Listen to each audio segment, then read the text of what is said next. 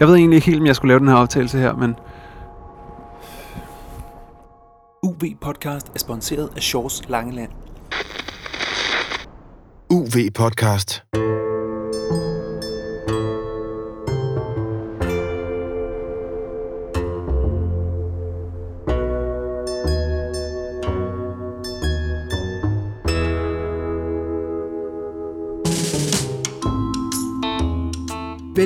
Til Universitetets podcast om undervandsjagt, fridykning og snorkling. Din vært er Morten Rosenvold Villassen, forfatter til bogen Undervandsjagt og forfatter til Hold vejret, en bog om fridykning. Morten har holdt vejret i 7 minutter og fridykket til 81 meters dybde og vundet Danmarks mesterskaber i både fridykning og undervandsjagt. Med i studiet er også Johan Vedel Nielsen, nordisk mester i undervandsjagt og 10 gange dansk mester og fiskerikonsulent i firmaet Aquamind. God fornøjelse. Okay, øhm, det der er sket nu er, at vi har fået at vide, at der er sket en ulykke ude ved Storbæltsbroen. because the water was uh, was very dark Vi sejlede forbi ude ved Storbæltsbroen, der lå otte bøjer. and uh, on the bottom in that day was also mm, not so clean Jeg ved egentlig ikke helt, om jeg skulle lave den her optagelse her, men so was uh, bad visibility bøjen er der, men der mangler simpelthen en dykker. was dark and also on the last two meters there was like sand in the water Man samler alle dem, der kan finde ud af at dykke dybt, sætter skubedykker ned. Og over øh, VHF-radioen hører vi så senere, det er sådan lidt dårlig forbindelse, men det virker som om, at man har fundet vedkommende i livløs tilstand. Og øh, der er en helikopter på vej. Øh, så det er klart, at det Øh, sætter EM totalt andet øh, lys lige nu. Øhm, øh, der er ingen, der ved. Øh, jeg ved i hvert fald ikke. Vi ved ikke nu præcis, hvem det er, men, men øh, det vi hører, det er, det er en portugiser. Øhm, så, øh, så lige nu er der en portugiser, som er kommet rigtig galt sted. Er der noget, der tyder på?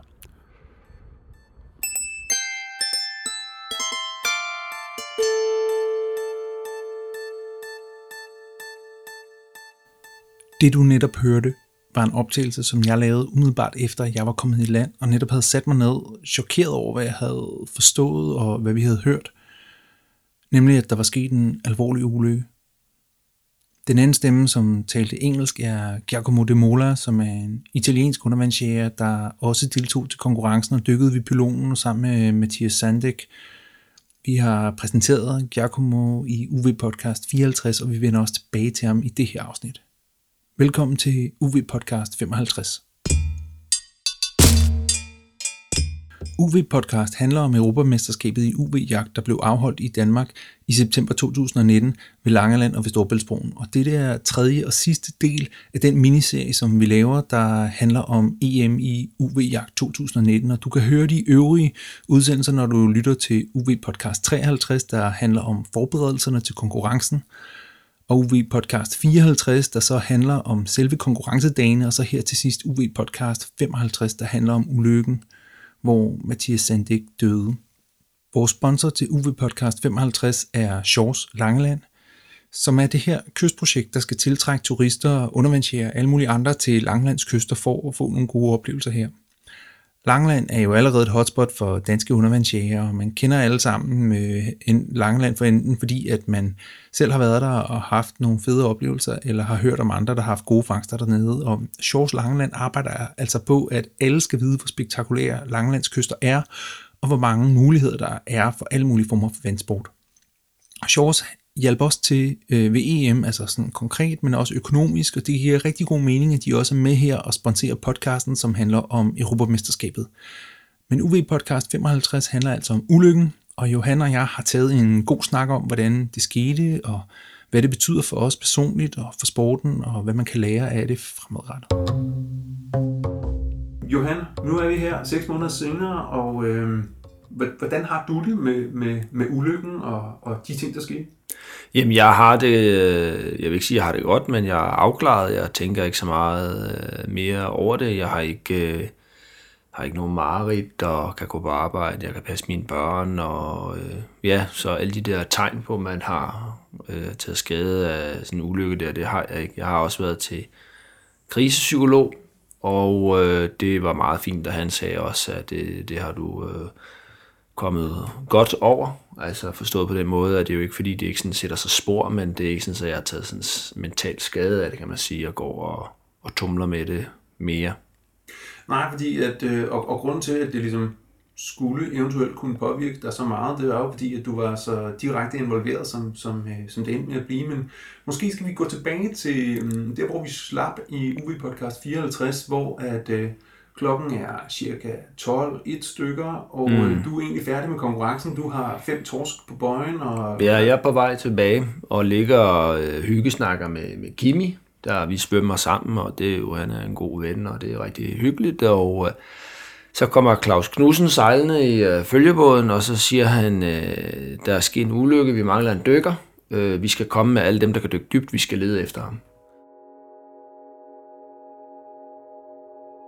Og øh, Kimi han øh, begynder at græde, og vi kommer op i båden, og øh, ja, vi ved jo ikke rigtig noget om, hvad der er sket, eller andet, end der er en, der mangler. Og så sejler vi så til pylonen, og øh, der er jo så en hel masse både, og der er en helikopter i luften, og jeg kan ligesom godt fornemme det, at det er alvor det her. Altså.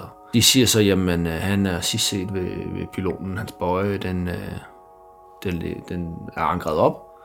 Og jeg prøver sådan ligesom at høre, hvor, hvor dykkede han sidst, og de, der er nogen, der mener, at han, han var bag ved piloten. Så jeg hopper i vandet, og Kimi han kan ikke dykke. Han siger, at han er helt, helt øh, ødelagt. Det er klart, at du har dykket fire timer, eller tre en halv, eller fire timer i træk, og svømmet meget og sådan noget, så er det jo ikke sådan nødvendigvis lige til at dykke til 25 meter, og man skal jo også øh, i sådan en situation ikke øh, slå sig selv ihjel øh, ved at, at dykke efter en, øh, en mand. Så, så Kimi han siger, at jeg kan ikke dykke. Men så siger han, du kan da dykke øh, sikkerhed til mig.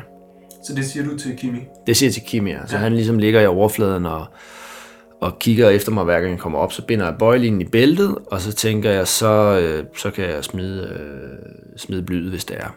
Og jeg tager øh, første dyk, og ned på bunden, og der er bare bul og hammerne mørkt, 25 meter dybt, eller 22 meter dybt, det ved jeg faktisk ikke engang. Og øh, strøm, og jeg, jeg svømmer helt langs bunden, og ser ham ikke, og kommer op. Og så da jeg kommer op, så er der så en anden en, der råber, så siger sådan, whoop, whoop, whoop, og han har fundet ham. Det er så en, øh, en italiener, fundet ham længere henne, og han kan ikke, øh, han kan ikke dykke ham op. Han siger, der er nogle andre, der dykker ham op, jeg, jeg har fået ødelagt til det.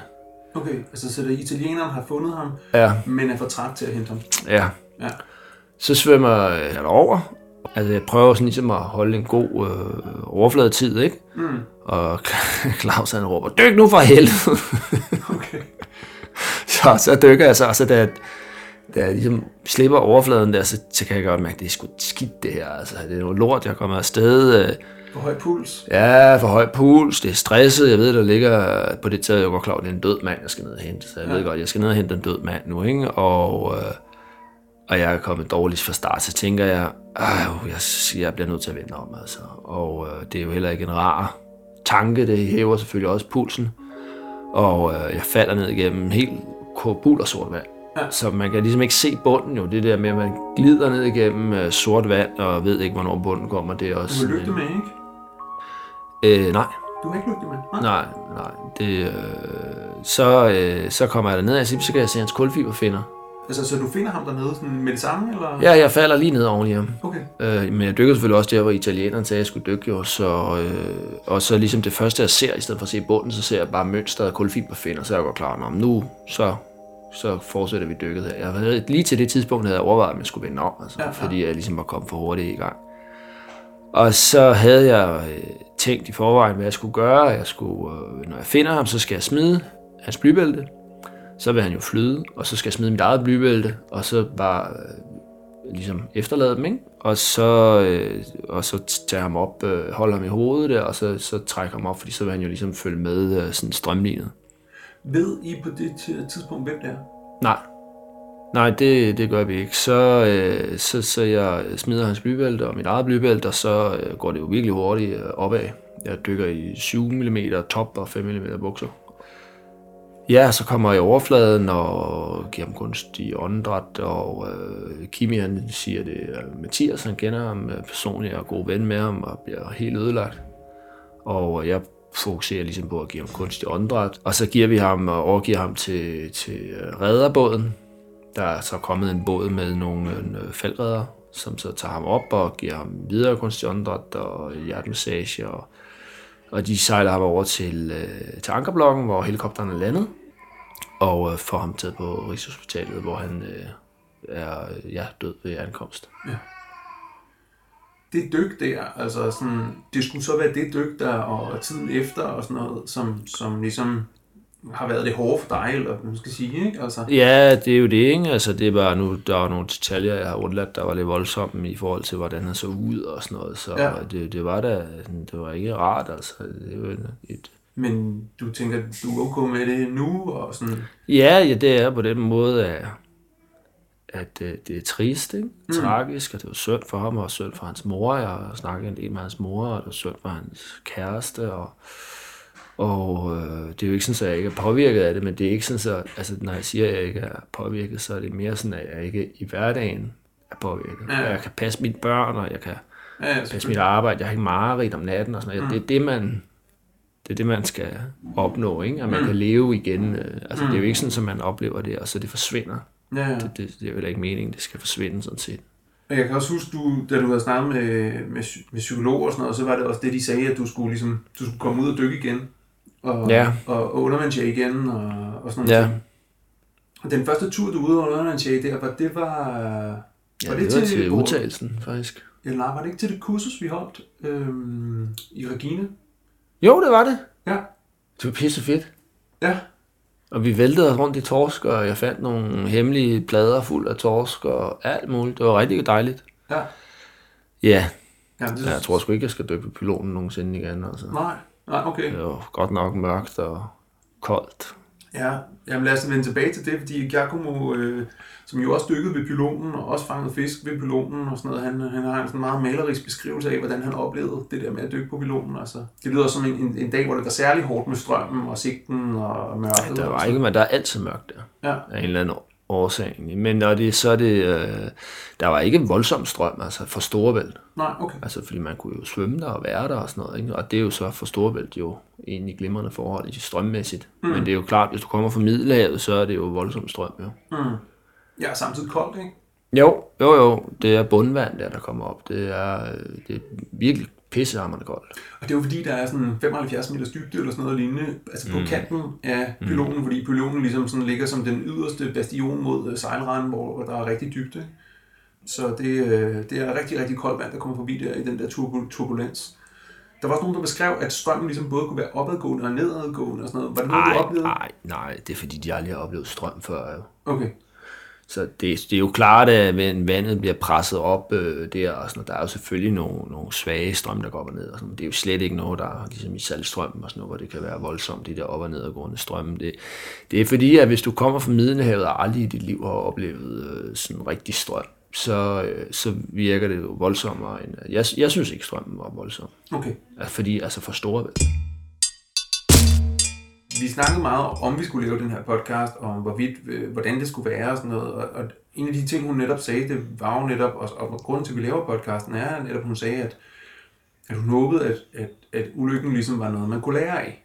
Så det er ligesom grund til, at vi, vi, vi tager emnet op og, og, øh, og, og, og tager hul på det. Øh, også selvom det er ligesom et følsomt emne, og det kan være svært at snakke om, eller det kan være måske også være nogen, der ligesom har nogle følelser omkring det. Altså, øh, mm. Ikke mindst dig, men også selvfølgelig moren og familien og alle de andre, der kendte Mathias. Øh, jeg kendte ham ikke personligt selv, og du kendte ham heller ikke. Nej, det gør jeg ikke. Nej. Nej.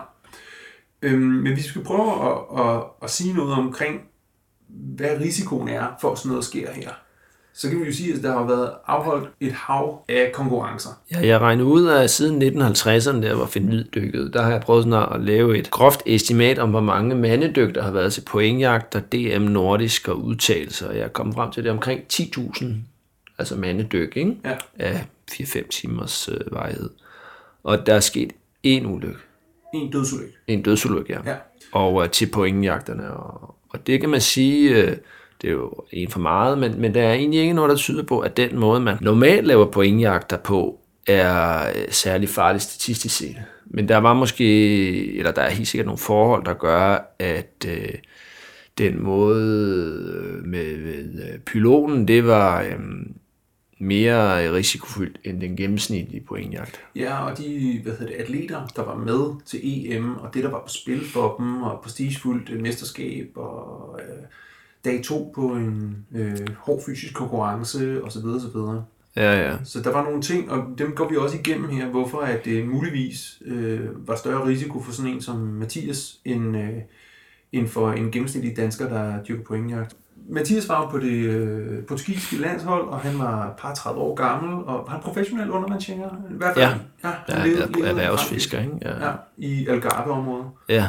Øhm, som er øh, på sydkysten af Portugal. Mm. Altså der, hvor det nærmer sig Gibraltarstrædet, og det er sådan en, en blanding af Atlanterhavet og Middelhavet, men mest Atlanterhavet på den tid. Øh, dog er det en mildere form for Atlanterhav, end det vi har på vestkysten af Portugal, hvor øh, bølgerne bare står rent ind. Så han var, han var en trænet, virkelig trænet. Øh, er meget dygtig, ja. ja, ja. dygtig, god til at dykke dybt, osv. osv.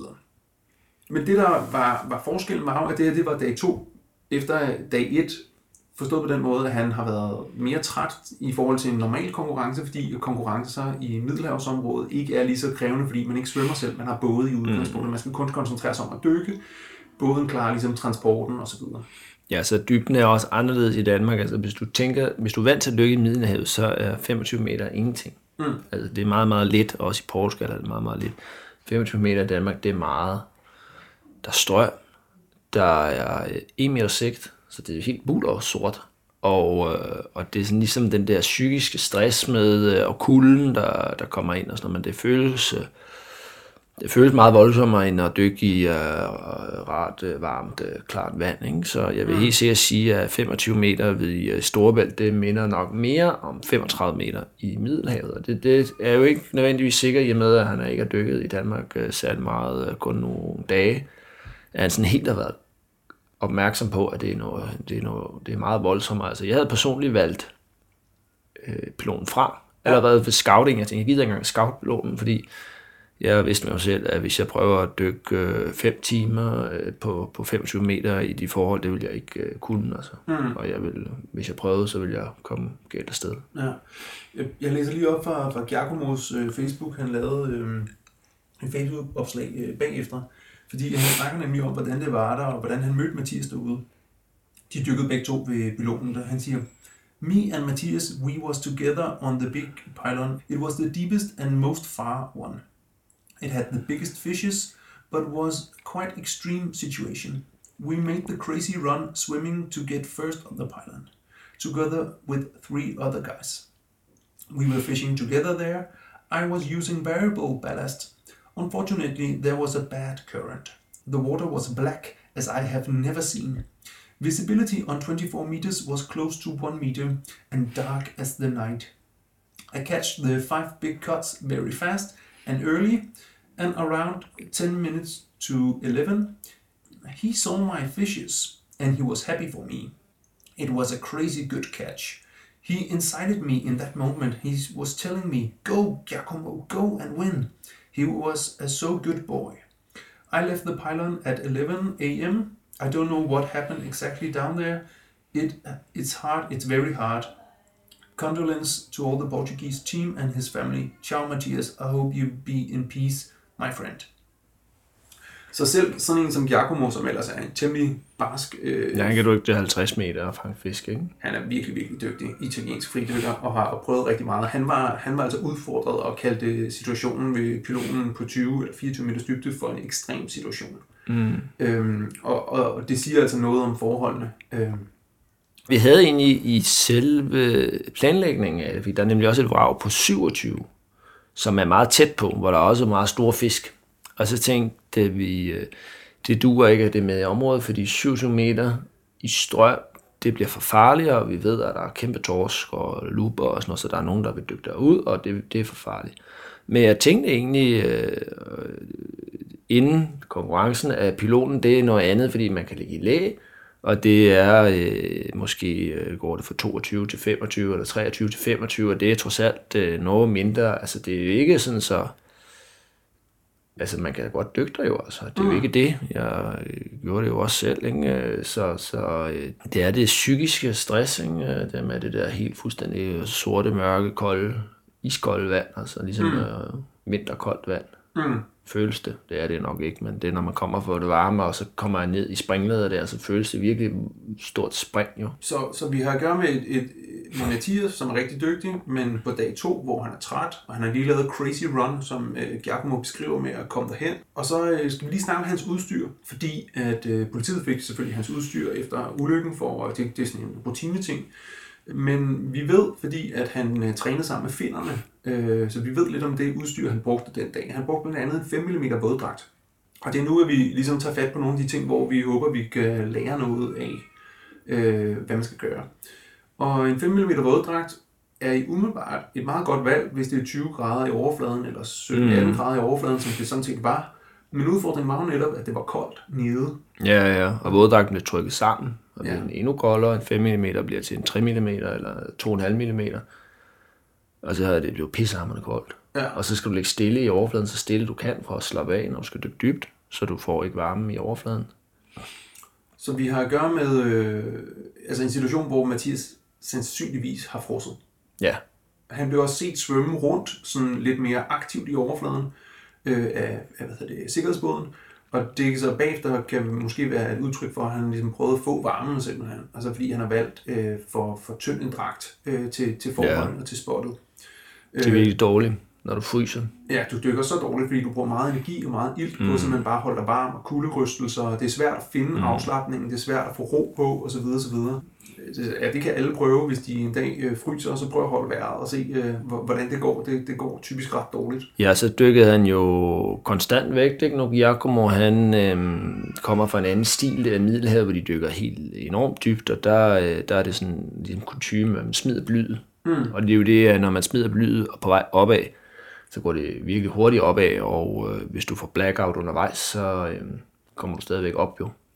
Ja, og det er også det, du behøver, altså med, med, med konstant vægt, altså hvor du har bly med ned og med op, som sidder på hele tiden, så er du nødt til at ligesom balancere, fordi blyet er jo en hjælp på vej ned, men en, et problem på vej op. Så Ja. derfor kan, skal man ligesom sådan finde et kompromis med konstant vægt. Men hvis du dykker variabel vægt, så kan du godt tage rigelig bly på. Det vil sige, Ja. at du har ekstra kilo på på vej ned. Det vil sige, at det går meget nemt med at komme ned, og det går meget nemt med at komme op igen, fordi du har smidt blyet. Mm.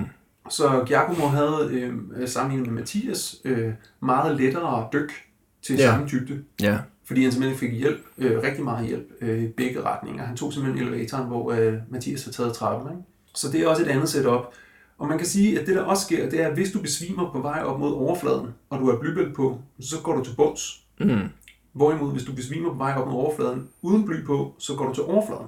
Så man vil også have fundet Mathias liggende i overfladen, bevidst eller ube, altså ved bevidsthed eller uden bevidsthed, meget hurtigt, hvis han ikke havde haft øh, bly på. Så det er en anden ting, at variabel vægt på den måde, hvor man smider blyet, faktisk er en sikrere setup i forhold til at komme til overfladen. Udfordringen ved det, og det bliver vi også nødt til at sige, det er jo så, at så øh, er du uden bøjelin. Det vil sige, at du er disconnected fra øh, bøjen, og det vil sige, at du kan flyde hvor som helst hen. Øh, men det er trods alt bedre at flyde hvor som helst hen i overfladen end øh, langs bunden.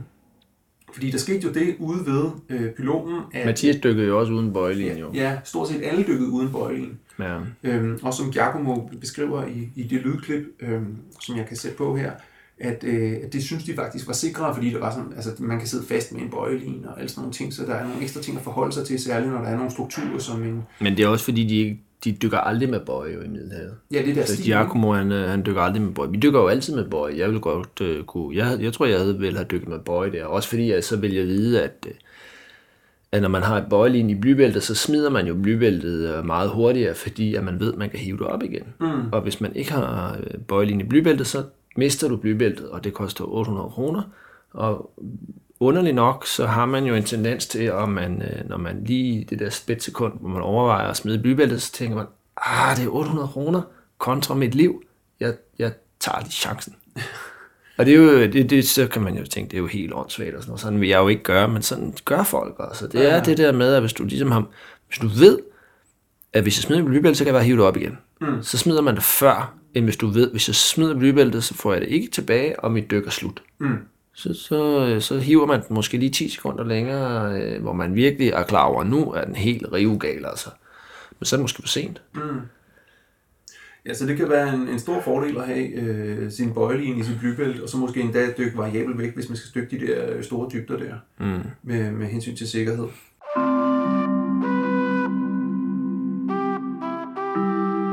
I was diving there in variable ballast because me and um, Valerio, on the scouting days, we have seen that uh, with this technique uh, we could manage to dive uh, to have a long bottom dive, uh, bottom time, long bottom time, and uh, manage to uh, look for and have enough time to look for uh, the codes on the many holes that there uh, that there was there. Also for safety, of course. Also for safety because you know there was current and we was diving in any case uh, with the seven mil wetsuit, so a lot of weights uh, and uh, in constant weight. Uh, in competition, in current, in, in under pressure. I mean, uh, it could be, um, it could be, and, and it was at the end. It, it could be dangerous.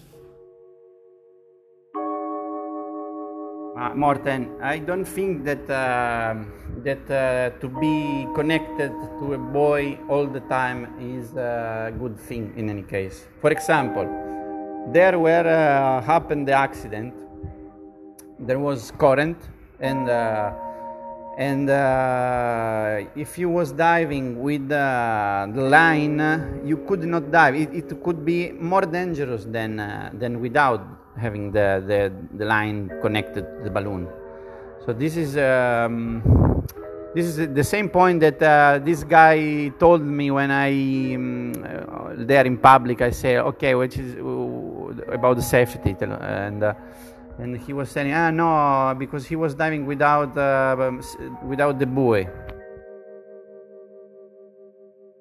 But in any case, for myself, for myself, when I was diving there, I was not feeling that I was making something out uh, of, uh, of my limits. I mean, uh, I was just there diving in variable ballast and uh, and in a place that uh, is the water. The problem was the water that is dark, that is is psychological mm, difficulty, and uh, but uh, but. Uh, but I was not feeling that I was in a risk, you know, in in with this technique because um, also I, I use the technique uh, in, in many other situations also all over the world and so I I feel safe and I feel trained to do this.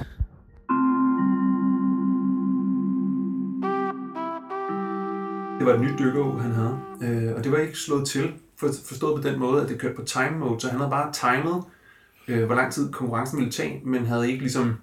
Men det tror jeg var med vilje. Det var, det tror var også. fordi, at han, øh, så han ved, hvor meget tid han er tilbage. Han er ligeglad med, hvor lang dykkene er, og hvor dybt det er, og sådan noget. Ikke? Det tror jeg også. Men han får så stadigvæk ikke, skal man sige, information direkte om, nu har du været i overfladen i et minut, og nu har du været nede i så og så lang tid, og det her dyk varer så og så lang tid. Jeg ved ikke, altså hvis man er vant til at dykke på den måde, så er det sikkert cool, men for mig så er, så er det noget, jeg bruger meget, det der med at holde øje med min overfladetid og holde øje med mine øh, dykkertider, især hvis det er øh, dybe og lange dyk. Jeg ved ikke, hvordan øh, du gør Jeg det. bruger aldrig mit ur. Jeg bruger det også kun til at holde øje med tiden. Fordi Okay. jeg, er mere, jeg, er mere, mere, jeg mærker efter, ikke? Om, mm. Mm. hvis jeg kan mærke, at jeg skal ligge længere tid i overfladen, så gør jeg det, uanset hvad uret siger. Ikke? Og hvis jeg føler, at jeg er klar, så dykker jeg, uanset hvad uret siger. Så det er måske lidt med stil også. Altså, mm. jeg vil sige det. Det, men det gjorde selvfølgelig også, at man ikke på, ud fra uret kan sige noget om uh, hans, uh, altså hvornår og hvordan det skete. Og Ja, sådan det noget, det fordi klart. øh, Ja. man kan ikke se hans dykkerprofiler og sådan noget. Så. Nej, nej.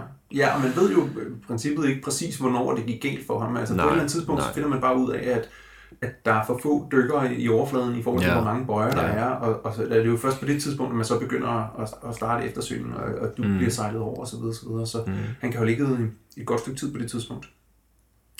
Så er der hans øh, svømmefødder, som var blødere end dem, han havde haft før. Og det er jo også noget med stil igen. Altså, der er nogen, der godt kan lide bløde svømmefødder, og nogen, der godt kan lide hårde svømmefødder. Øh, men alt andet end lige, så må man sige, at hårde svømmefødder kan flytte lidt mere vand, end bløde svømmefødder kan. Ja, i hvert fald, hvis man skal dykke dybt, ikke? så er det en fordel med hårde svømmefødder. Man skal aldrig nogensinde skifte udstyr øh, lige øh, i en konkurrence. Det er mm. sådan en helt generelt ting, man kan lade være med. Det er, Ja, det kan Thomas Brogaard også går snakke om. altid galt, altså. Ja. Så bruge det, man er vant til, ikke? Præcis. Ja, og så som man kan sige, så vi har nogle, øh, vi har nogle fysiske forhold omkring det spot. Vi har øh, nogle ting omkring udstyret, som øh, ikke er helt optimalt. Eller brugen af det er ikke helt optimalt. Og vi har øh, nogle fysiske forhold omkring, at det var dag to, og de har svømmet meget, og, og så videre, så videre. Og at Mathias ligesom var en, en rigtig dygtig fridykker øh, og undervandsjæger. Og, og det er jo det, der sker. Altså det er jo altid de, eller ikke altid, men det er meget ofte, det er de meget erfarne, meget dygtige øh, mm. undervandsjæger, som det går galt for, fordi at de kan dykke dybt. Ja. Altså risikoen ligger på dybden. Så det kan godt være, at du kan, at du er mega dygtig, og du derfor kan dykke dybt, men det er også der, det så ofte går galt. Ja, det er det. Og man kan sige, at altså, nu sagde jeg lige, at- danske pointjagter var, var ufarlige. Det vil jeg til hver en tid uh, sige er statistisk uh, korrekt. Ikke? Men man kan også omvendt sige, at EM og VM, de er statistisk uh, faktisk farlige. Altså, der, der har været den her ulykke, og der har været en tidligere dødsulykke i Kroatien. Og der har været nogle, der har været tæt på, der har været nogen, der blev hjerneskadet, fordi de fik dykkersyge i Grækenland. Der har været altså mange faktisk, der har fået dykkersyge, og i, i øh, Tahiti nogen, der fik dykkersyge. Og sådan. Så det er, EM og VM er nok at betegne som øh, ekstremsport, ligesom at køre meget hurtigt øh, på mountainbike øh, ned ad en, øh, en bjergside. Det er sådan, i sådan en Red Bull turnering. Ikke? Det er lidt anderledes end at køre i Hareskoven. Mm. Og øh, så, så, så det er også, det må man bare sige, altså der har været en statistisk øh, større øh, sandsynlighed for at komme galt afsted til EM og VM, og det ved, øh, det ved man godt, dem der er med. Det skal man også huske på, at, at vi kan selvfølgelig ikke ligesom sige, øh, at pointjagter og DM er det samme som et EM og så videre. Og også, altså det er jo meget symptomatisk også, at der er jo stort set ingen danskere, der dykker ved piloten, altså øh, fordi at det ligesom er så hardcore dykke der. Mm. Men at så kommer der øh, et, et europamesterskab, og lige pludselig ligger der otte mand ved piloten og dykker samtidig. Ja, ja. Så det er jo også noget med profilen på de dykkere, der deltager til sådan nogle mesterskaber der. At, øh, hvilken risiko de tager, hvilke dybder de går efter, hvor, hvor, hvor meget de virkelig gerne vil vinde den der konkurrence, og eventuelt også, man kan sige, sådan, hvilken risiko de tager, eller hvilke chancer de tager. Øh, og der forholder det sig bare anderledes. Og der er vi undervandsjæger jo øh, vores egen sikkerhed. Ikke? Altså det handler om, hvordan vi dykker, øh, mere end hvordan konkurrencen er tilrettelagt. Ja, altså der, altså vi har faktisk i, øh, i udvalget øh, besluttet øh, fremadrettet til de danske stævner, at øh, vi vil lave en, det prøver vi her til, til DM, øh, som bliver på, øh, på Djursland, der prøver vi det så første gang at se, hvordan det virker, at øh, man dykker maks til 15 meter, hvis man dykker alene. Mm. Og det er ligesom ud fra, at de her 10.000 dyk, det har jo alle sammen været nogen, der har været lavet på lavt vand. Jo. Ja. Og, øh, og hvis man så dykker dybt, så jeg dykkede til 26 øh, til DM på Bornholm på et wow, hvor jeg bagefter også har tænkt sådan lidt over, det var måske uhensigtsmæssigt, at jeg gjorde det alene uden overfladesikkerhed og sådan noget. Og, øh, og fremadrettet, så, så skal man øh, være to. Og dykke i par, altså one up, one down, hvis man dykker dybere end 15, så det også, selvfølgelig også kræver noget forberedelse i forhold til planlægning og sådan noget. Men det, altså, man, man, man melder simpelthen sine marker ud øh, Ja. inden, inden konkurrencen og siger, at jeg dykker, altså ikke lige konkret med Bornholm, så dykkede jeg jo med dig øh, på det vrag, efter du havde øh, mm. tømt det for de store fisk, så var der lidt par små fisk tilbage til mig. Mm. Altså, da lå vi og dykkede sammen, men det, og det ville vi så ikke kunne gøre fremadrettet, medmindre vi havde meldt det på forhånd og sige, Johan og jeg, vi dykker et par til den her konkurrence, og derfor må vi gerne dykke på den anden side af 15 meters dybde. mm, Øh, så det er ikke bare en eller anden tilfældig, man lige kalder på og siger, hey, kan du lige holde øje med mig? Jeg går lige ned på 25 meter på det her vrag. mm, Øhm, og det, det er også, skulle forhåbentlig også gøre, at, at folk ligesom får tænkt sig om og får forberedt det og får planlagt øh, det ordentligt, hvis de har tænkt sig at dykke dybere end 15 meter, som jo er sådan en lidt en vilkårlig grænse, men nok meget rimelig, at, at det er de færreste, færreste pointjagter og konkurrencer, hvor folk dykker dybere end 15 meter, medmindre det er sådan et konkret brag eller propel eller et eller andet den du en øh, vindmølle eller sådan noget, hvor at, og man ved, at der er noget specifikt. Det er ikke sådan et sted, man lige kommer forbi, hvis det er på den anden side af 15 meter. Men ellers så kan vi jo lige gentage øh, de gode råd for dyb øh, undervandsjagt. Der er jo nogen, der er begyndt at blive mere populært med undervandsjagt på WOW, og øh, det er jo dig, der er specialist i fridykning, Morten. Hvordan er det nu, man øh, skal begære sig, når man øh, dykker dybt? Jo, altså først og fremmest så handler det jo om, at øh, man ikke får hyperventileret, og at man øh, hvis man dykker på vrag, at man ikke svømmer mod strømmen hen til sit vrag, men at man ligesom dy, øh, dykker ned opstrøms, så man lander på vrag. Og så er der det der hele det der med det sikkerhed der. Og lige på vrag, så er bøjeliner ikke en fordel. Fordi bøjelinerne kan gøre, at man sidder fast. Men i alle andre tilfælde vil en bøjeline sat fast til øh, undervandsjæren være en kæmpe sikkerhedsmæssig fordel. Mm. Fordi at man, øh, hvis man har en marker, og han registrerer, at du ikke kommer op til overfladen, så vil han kunne finde dig på 30 sekunder bare ved at følge bøjlingen, og så vil han kunne få dig til overfladen. Og da, når vi har at gøre med drukneulykker, det er altså ret vigtigt i den her snak, at vi, altså vi, vi snakker om, at hvis du skal redde et menneskeliv, der hvad skal man sige, er fuldt og helt, øh, lad os sige det sådan, så skal du, så skal du altså redde vedkommende inden for minutter. Ja. Øh, vi snakker kvarter, halve timer, øh, timer, så, så begynder det at være meget begrænset. Det, det, det er menneskeliv, der er tilbage. De siger, jeg tror, at jeg, øh, Tom Helme, hvis ikke jeg nu citerer ham for noget, jeg mener, han har sagt, men jeg mener, han sagde, at det var 10% øh, af hjernekapaciteten hvert minut. Hver minut. Så efter 10 minutter, så er der altså, så er vi meget lille sandsynlighed for, at du overhovedet kan leve. Ikke? Ja, ja. Øh, og, men allerede efter få minutter vil man være øh, stærkt øh, hjernskadet, altså, så, øh, ja, altså er- efter du er druknet. Ja, det, ja, det, er lidt, det er lidt med forskel, ikke? Sådan med, hvor koldt vandet er, og hvad alder du har, og alle sådan nogle ting. Men, men det er fuldstændig rigtigt, at, øh, at det, det er meget kort tid, det handler om. Mm. Øh, og det er også derfor, at, at, øh, at, at det, det sikreste, man kan gøre, det er selvfølgelig, at man har en marker, der er opmærksom hele tiden, og man er sat fast til bøjlingen øh, til overfladen, fordi så, så vil der være en reaktion hurtigt, og den vil være hurtig nok, og der vil være et menneske tæt på til at redde dig. Det der med at have en bådfører, som er i nærheden, eller som bare holder øje øh, op fra båden, men ikke selv er i sit udstyr, og hvis du ikke selv er sat fast, eller hvis Mm. dykkeren ikke er sat fast til bøjen, så har bådføreren jo ingen mulighed for at løbe ned på 50 meter hen Giacomo, selvom at der er en, en udmærket bådfører i overfladen. Nej, det er som regel som EM og VM bliver lavet, så har hver dykker en bådfører. Og der, der var mange, der ligesom sagde, at nu var der en svømmekonkurrence, og det var derfor, at at Mathias døde. Og det er jeg, det er jeg uenig i, fordi øh, for det første har der også været dødsulykker med bådførerkonkurrencer. Og det der jo er problemet er, at bådføreren er oppe i båden. Og det kan godt være, at han så konstaterer, nu kom Mathias ikke op. Mm. Men hvad helvede skal han så gøre? Ja. For det første, hvis ikke han er bundet fast i bøjelinen, hvordan skal han så få ham op? Og han skal altså have ham op inden for minutter. Ja, det er det. Og hvis ikke han får ham op inden for minuttet, så kan det faktisk være lige meget, så er det bedre, at man dør helt end halvt. Og så kan man sige, så kan han jo selvfølgelig kalde øh, skubedykkeren hen, som er måske i området, og han skal sejle derhen. Det tager et par minutter, og han skal komme i grad, hvis han ikke lige har det hele på fra start, og hoppe i vandet, og så skal han finde vedkommende, og så skal han få vedkommende op til overfladen. Så der Ja, er, så skal han op i båden, og så skal han genopleves, ikke? præcis. ikke? Det Så- tager over 10 minutter. Ja, ja, ja. Så, så det, det er ultra vigtigt, det der med... Og det er faktisk også derfor, at jeg øh, til øh, den efterfølgende konkurrence, som vi har nævnt, altså til udtalelsesstævnet, at der dykkede jeg med marker, og det var jo øh, Frans Boris på øh, dag 1, og, øh, og, og så dig, øh, Johan, på dag 2. Og, øh, og det har vi også snakket om, altså, altså øh, fremadrettet til undervandsjagtkonkurrencer, at det er en fordel, og det er derfor, vi indfører det der med, at hvis man dykker dybere end 15 meter, at så skal der være en marker, øh, der holder øje med en, og at øh, bøjlingen skal sidde fast til blybæltet, altså til dykkeren, øh, Mm, mm, hele tiden.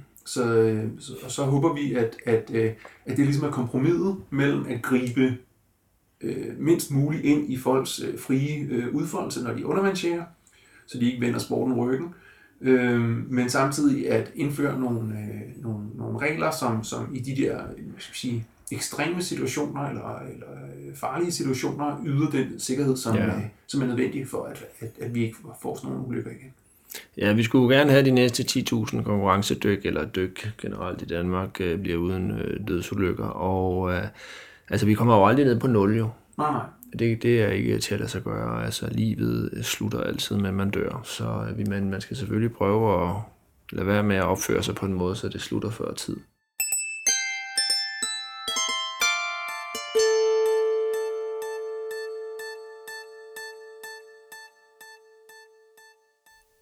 UV Podcast bliver sponsoreret af Shores Langeland. Shores Langeland er et initiativ fra Langelands Kommune, som handler om at sætte fokus på Langelands kyster og alle de muligheder, der findes rundt omkring langs øh, Langelands kyster. Og øh, en af mulighederne er jo undervandsjagt. Og det har vi også med de seneste to episoder sat fokus på netop, at der findes verdensklasse undervandsjagt ved Langeland.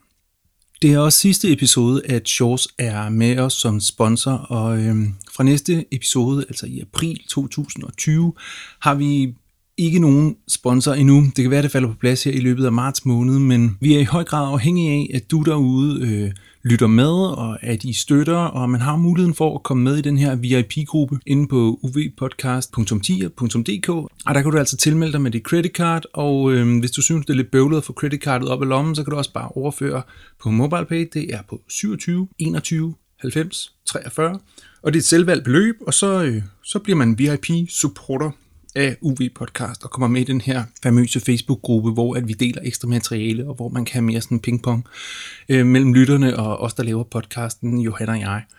Og øh, vi vil mega gerne have jer med derind, og vi vil mega gerne have jer tæt på, og vi vil gerne have jeres feedback, men vi vil faktisk også gerne have jeres øh, konkrete økonomiske support, fordi at vi hopper lidt rundt fra tue til tue med at få øh, de her sponsorater på plads, og det er altså ikke sikkert, at vi får en sponsorplads i næste måned, så det er i høj grad øh, nødvendigt for, at det kan løbe rundt, og at vi kan investere tid og, og kræfter i det, at det også giver mening økonomisk. Så øh, nu er det sagt, uvpodcast.10.dk eller MobilePay 27 21 90 43.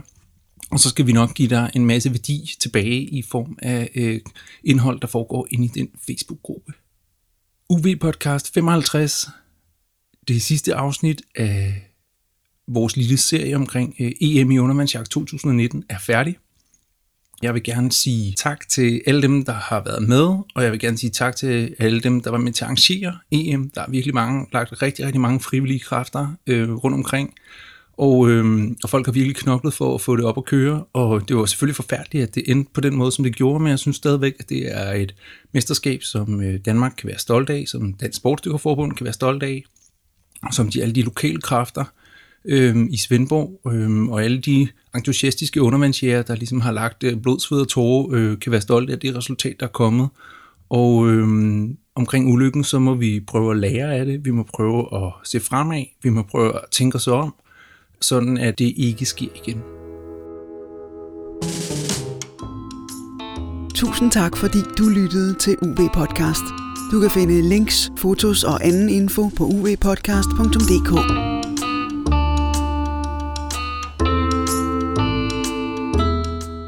Og hvis du kunne lide, hvad du hørte, så del det endelig videre. UV Podcast.